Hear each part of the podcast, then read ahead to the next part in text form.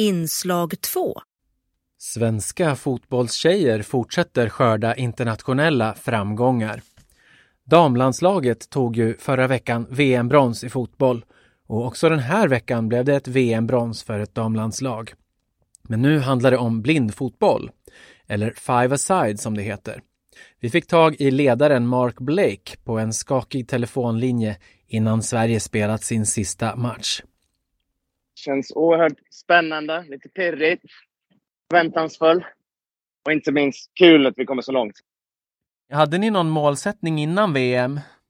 Nej, alltså vi, man spelar fotboll för att uh, gå in och vinna varje match. Men eftersom det är första gången och vi har lite, lite oklart var vi ligger till jämfört med resten av världen och det har alltid varit lite oklart. Vi har inte spelat ihop egentligen någon gång tidigare, så det var så många osäkra faktorer. Vi pratar inte så mycket om resultat heller. Vi ska bara gå in, ta en match i taget och gå in för att vinna den. Och målvakten Moa Berg instämmer. Ja, nej, jag har exakt samma där. Att, eh, vi går in för att vinna varje match och sen så eh, försöker vi förbättra oss efter varje match och sen så går vi in för att vinna nästa. Det blev till slut ett dramatiskt avgörande på straffar som förde Sverige till seger i matchen om tredjeplatsen som slutade 0-0 vid full tid. Alice Berntsson satte första straffen och blev till slut den enda målgöraren i matchen. Men det visste vi inte när intervjun gjordes. Däremot var gruppspelet klart i Birmingham i England där VM-turneringen hölls. Sverige hade lyckats bli tvåa bakom obesegrade Japan och Sverige mötte sen hårt motstånd av Argentina i slutspelet som var etta i andra gruppen, också de obesegrade. Argentina tog sedan guldet i final mot Japan. Också det en match med dramatiskt slut. 2-1 målet av Argentina kom med knappt två minuter kvar att spela. Och Sverige slog som sagt Indien på straffar och tog brons. And that's it, the penalty is taken and the Swedish side finished third in the women's uh, blind games. Five-a-side, som ibland kallas blindfotboll, spelas med fyra utespelare och en målvakt per lag på varsin planhalva. Utöver det har varje lag en guide som får prata med spelarna när de är på anfallande planhalva och brukar befinna sig bakom motståndarens målbur. Matcherna spelas i två halvlekar på 15 minuter var. Den som gör flest mål vinner och får tre poäng, annars blir det oavgjort och en poäng var i gruppspel.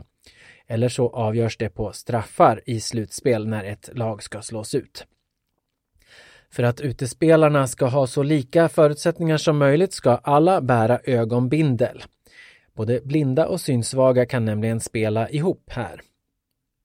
Målvakterna däremot behöver inte ha någon synnedsättning och inte heller ögonbindel. På landslagsnivå är målvakterna i regel seende, precis som de två i Sveriges lag som växlar. Moa Berg som var huvudmålvakt låg dessutom bakom dam-VM-historiens första mål. I första matchen mot Marocko skickade hon ut bollen över plan och den gick raka vägen fram, snuddade vid motståndarlagets målvakt och gick in i mål. Hade den inte nuddat en annan spelare så skulle inte målet ha gilts. Ovanligt men också väldigt roligt, säger Moa Berg. Det är speciellt att vara målvakt. Det är väldigt roligt. Och sen så är det också kul att eh, vi fick göra det första målet i VMs historia. Ja, nej, det, var, det var speciellt och det var väldigt roligt. Många av matcherna i blindfotboll är inte så målrika. Undantaget här i VM är Argentina och Japan som i vissa matcher gjorde många mål. Annars håller det sig ofta runt 0-0 eller 1-0 och det kan bero på väldigt duktiga målvakter, säger Moa Berg. Ja, men det är, är bra målvakter. Men sen så handlar det också mycket om att, eh, att man finslipar försvaret och liksom lägger prioritet där. Och sen också när man väl kommer till mål så, så gäller det på, på en bra träff. Och eh, förhoppningsvis så räddar vi de bollarna. Det har vi lyckats med hittills. Men guiden då? Ja, Elin Ryd som är första guide förklarar hur den rollen fungerar.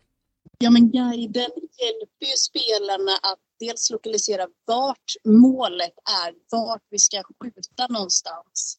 Och liksom när det finns läge att skjuta och liksom hjälpa spelarna att lokalisera vart man är i anfallszon. Jag frågar också Mark Blake om vilka svårigheterna är i sporten.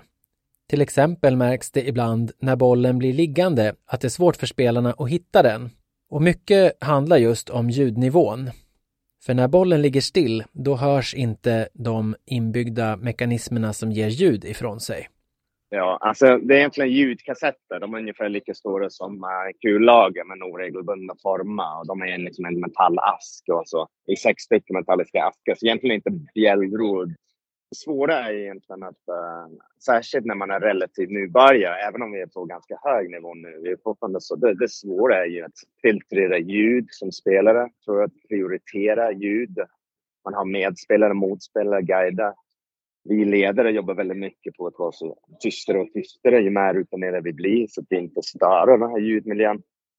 Det är också väldigt svårt i början inte minst att göra mål för att det är ju en svår, komplex sport helt enkelt. Och fem mot fem blir inte så målrikt oftast ändå. Um, och ju, ju mer man spelar, ju mer man tränar, desto enklare är det att bli mål. Och vi, vi siktar mot att göra lite mål framöver. VM-turneringen spelades i Birmingham i England och det är första gången som ett VM hålls för damer i five-a-side. Egentligen skulle det ha hållits redan 2020, men det fick skjutas upp i olika omgångar på grund av åtgärder mot coronapandemin runt om i världen. Att det nu till slut blev ett VM och att det blev så pass stora framgångar för Sverige betyder mycket för att få fler tjejer att prova på blindfotboll, säger Mark Blake. Jag tror att det, det syns och hörs är väldigt bra. För oss har det oftast varit, sen vi startade i Mälarhöjden eh, 2014, om att liksom självständighet, autonomi, rörelseglädje. Det är, det är någon slags rätt, tror jag, för barn och unga att testa på olika saker. Som Moa tidigare har gjort gymnastik och handboll och fotboll. Och det gör de flesta barn och unga, men oftast inte de med synnedsättning. Så det handlar om att liksom testa det mesta. Och se till att vi får stanna. Och sen för sporten tror jag, nu lägger av någon lite oklar anledning damerna 25 år efter herrarna i VM-sammanhang. Men nu är tack vare IPSO och Uefa damerna på gång. Och det känns otroligt kul att um, det är också en jämställdhetsfråga och en rättvisefråga lite. Men nu, nu är damerna på gång och de här, den här bussen och laget är ju otroligt duktiga. Och vi har ju höjt prestationen till varje match. Det ska vi göra igen. Lite, några snäpp till, tänker vi. Jag tänkte också på en sak som jag har lagt märke till när jag har sett på matcherna här så är det väldigt eh, vänskapligt mellan lagen. Det känns som att, eh, alltså naturligtvis så konkurrerar man och spelar mot varandra i matchen, men sen efteråt så är det ofta att man ser att lagen ja, hälsar och tar bilder med varandra och att man verkligen är intresserad av att lära känna de andra spelarna från de andra nationerna. Och det sticker ut lite grann. Jag är född i Storbritannien och när jag många sporter i Storbritannien är ju så konstigt nog inte fotbollen. Man kanske käkar ihop efter matcherna, man dricker någonting tillsammans efter matcherna. Vi är inte, vi är inte ovänner med dem. Vi ska bara slå dem. Så det, alltså sporten är en sak, men att träffa nya personer det är en helt annan sak. Jag tror att, jag tror att fotboll har mycket att lära sig. Att man ska tjata. Man ska bara göra allt man har för att vinna. Det är jättekul för oss att lära sig av andra tränare, andra ledare, andra spelare. Ja, det säger alltså ledaren Mark Blake. Du hörde också Moa Berg som är målvakt och Elin Ryd som är guide i svenska damlandslaget i Five Aside som alltså tog VM-brons den här veckan.